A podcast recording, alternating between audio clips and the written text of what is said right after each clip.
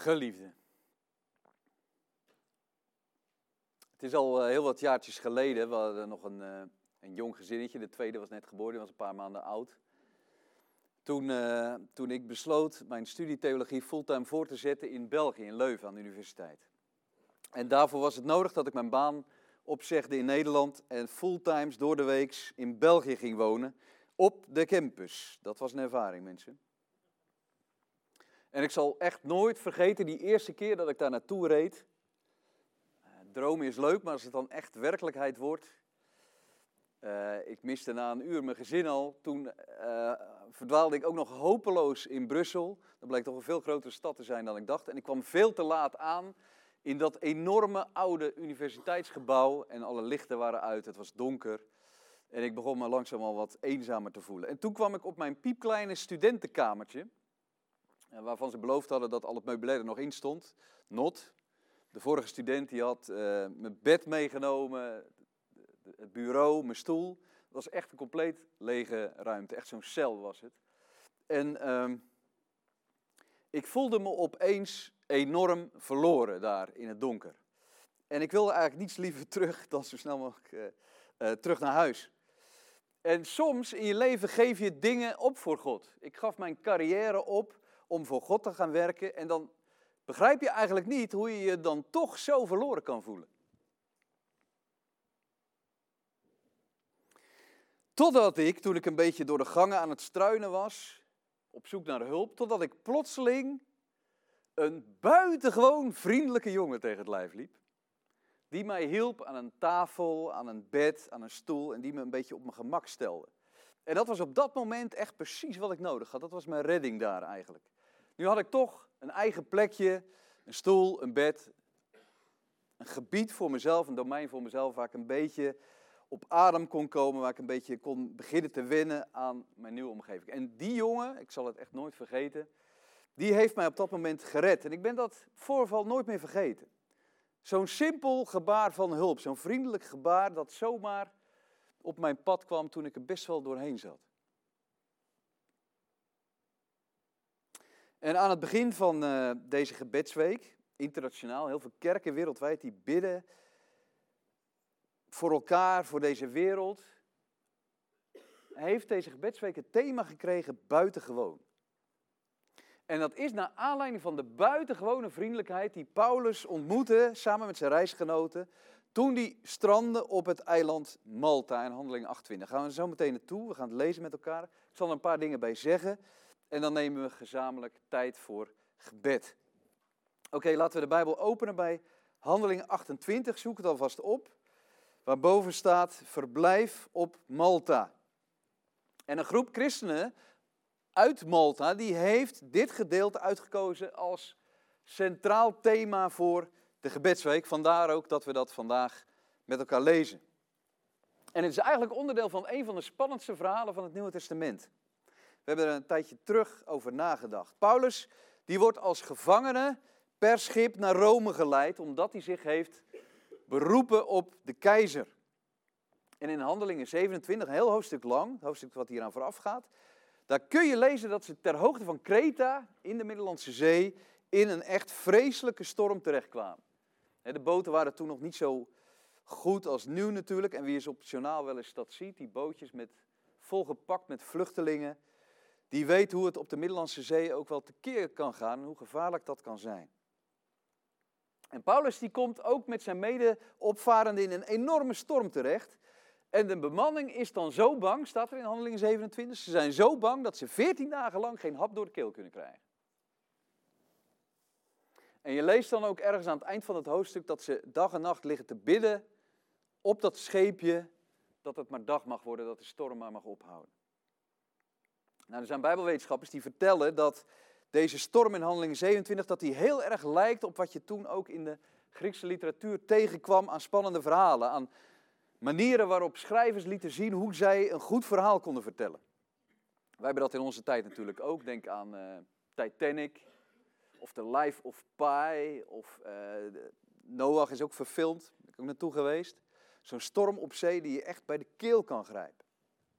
Maar voor ons heeft deze storm natuurlijk ook iets weg van de storm op het meer Galilea, het meer van Galilea, waar Jezus heel rustig is en waar de bemanning echt, de discipelen echt in doodsnood zijn. En hier zie je ook in Handelingen 27 dat Paulus eigenlijk heel rustig is. En dat hij zegt, mannen, we gaan het redden.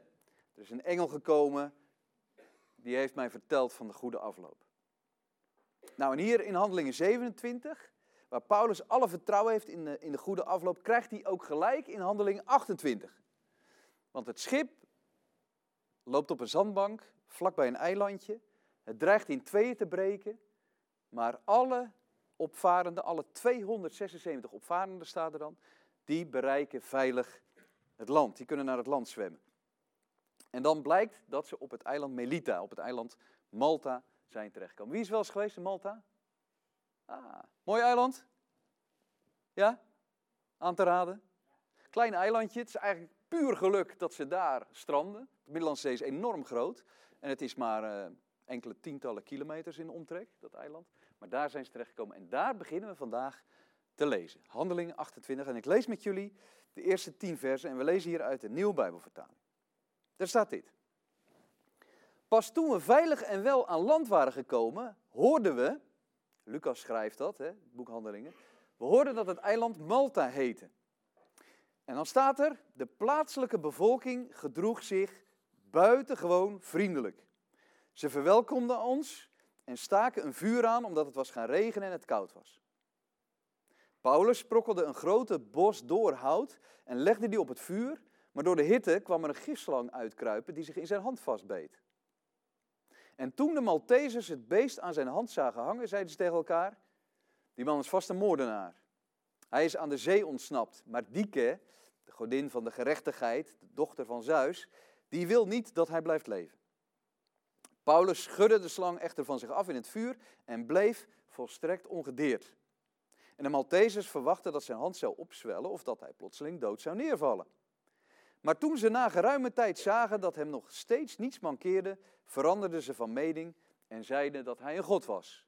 Dit is een mooi advies om je oordeel soms een beetje uit te stellen. Hè? Binnen een kwartier verandert hij van een moordenaar naar een god.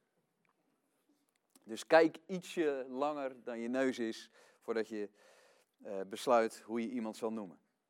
Nou, vers 7. Niet ver daar vandaan lag een landgoed dat het eigendom was van de gouverneur van het eiland, een zekere Publius. Hij liet ons bij zich komen en onthaalde ons drie dagen lang bijzonder gastvrij. Het geval wilde dat de vader van Publius ernstig ziek op bed lag, gekweld door koorts en buikloop. Dat hadden ze in die tijd ook al. Paulus ging naar hem toe, legde hem onder gebed de handen op en genas hem. En daarna kwamen ook de andere zieken op het eiland naar hem toe en kregen hun gezondheid terug. En ze overladen ons met eerbewijzen en voorzagen ons bij ons vertrek van alles wat we nodig hadden. Nou, dat is bijzonder gastvrij, dat is bijzonder vriendelijk, dat is buitengewoon fijn wat hier gebeurt in Handelingen 28.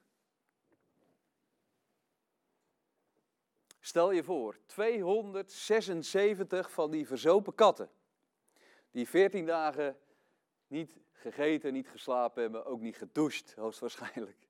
Die komen dan aan, gevangenen, bemanning, scheepslui allerlei verre landen waarvan je geen woord verstaat, die komen dan aan in je achtertuin. Dat is wat er hier gebeurt op Malta. Dat is ongeveer het jaar 60 na Christus zo'n beetje. En deze bijna 300 mannen die hebben doodsangsten uitgestaan op het water. Kleddernat, koud tot op het bot. Kom je daar met helemaal niks op een totaal onbekend eiland waar je nooit geweest bent. Wie weet leefden daar kannibalen, weet jij veel. Dus je komt daar aanlopen op het strand. En zoiets lijkt ontzettend veel op de beelden die wij regelmatig op het nieuws zien van vluchtelingen die uitgeput aankomen op zo'n eilandje ergens in de Middellandse Zee. Nat, koud, hongerig, heimwee, bang. En wat is er nou zo opvallend wat hier gebeurt? Nou, dit. De Bijbel zegt, de plaatselijke bevolking gedroeg zich buitengewoon vriendelijk. In het Grieks staat er eigenlijk meer letterlijk, de barbaren waren niet weinig filantropisch. Wij kennen die woorden wel een beetje. De barbaren, de plaatselijke bevolking, die waren niet weinig filantropisch. Barbaren, dat waren volken die geen deel uitmaakten van de al overheersende Romeins-Griekse cultuur. Dat waren mensen die uh, barbar spraken. Die konden niet verstaan, barbar, net als ons bla bla. Daarom werden zij barbaren genoemd. Zij spraken een taal die niemand kende.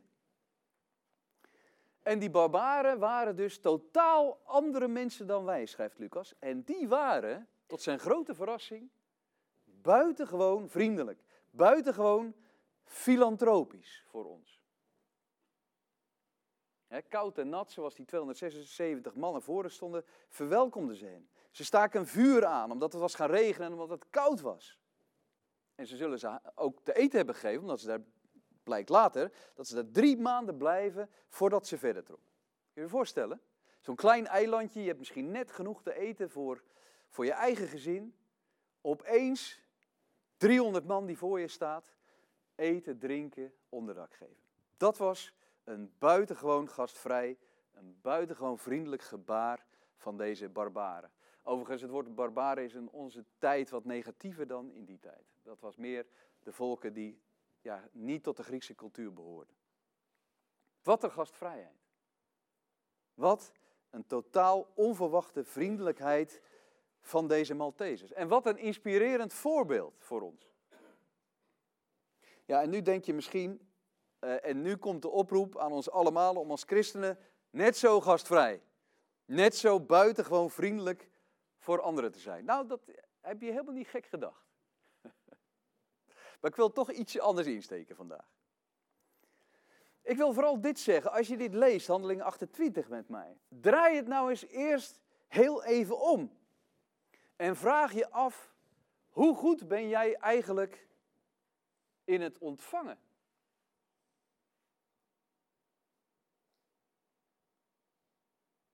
Ben jij in staat om te ontvangen wat anderen voor jou hebben? Zonder dat je in staat bent, dat waren deze mannen ook niet, om iets terug te doen. Ben je in staat om te ontvangen, ook als dat een vreemdeling is, als dat een barbaar is in jouw ogen, als dat iemand is die je niet kent, als het een vluchteling is? Ik betrap me er zelf altijd op als ik soms wel eens bij een asielzoeker of een vluchteling eet, dan word je natuurlijk helemaal volgegooid. En dan denk ik, nou zou ik wel nemen, die mensen hebben al zo weinig. Ben je in staat om gastvrijheid, om vriendelijkheid? Ben je in staat om te ontvangen ook? Is een goede vraag.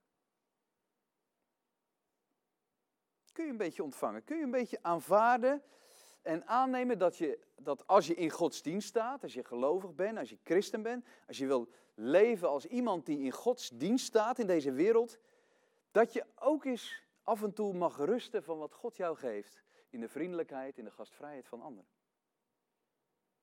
Het is heel belangrijk volgens mij en heel vaak gekoppeld aan de vraag of jij ook van God kunt ontvangen.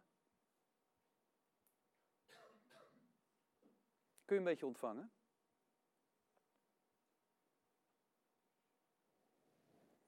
Toen Paulus, hè, we lezen het hier, met heel zijn hebben en houden voor God werkte. Toen Paulus in Gods dienst stond.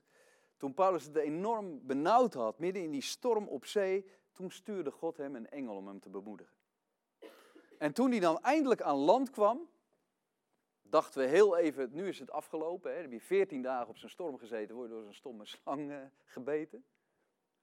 Toen Paulus aan land kwam, ontving hij de gastvrijheid en de vriendelijkheid van de inwoners van Malta als uit Gods hand.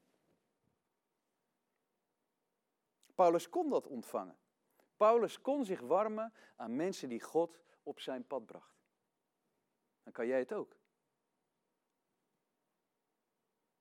Dat was de enige manier voor Paulus om het vol te houden, om te bidden en, te werken voor al die gemeenten, voor al die broers en zussen waar hij contact mee had. Te bidden voor mensen die het moeilijk hadden.